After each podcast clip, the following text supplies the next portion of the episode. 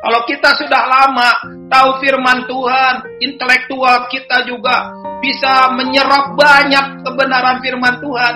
Kalau tidak mengubah hati, percuma terpasung dalam pengetahuan, terpasung dalam jabatan, terpasung dalam satu kondisi. Padahal orang-orang yang baru mengalami Tuhan. Kekristenan kalau tidak mengalami Tuhan, tidak mengalami perubahan hati. Kekristenan kalau tidak mengalami Tuhan, walaupun jabatan pendeta, walaupun majelis, walaupun aktivis pelayanan, seperti terpasung dalam sebuah aktivitas. Kelumpuhan rohani itu yang menyebabkannya.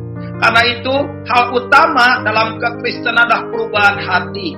Bukan tahu banyak, bukan mengerti banyak, tapi berubah banyak. Dan mengubah banyak, mengubah banyak orang yang ada di sekitar kita.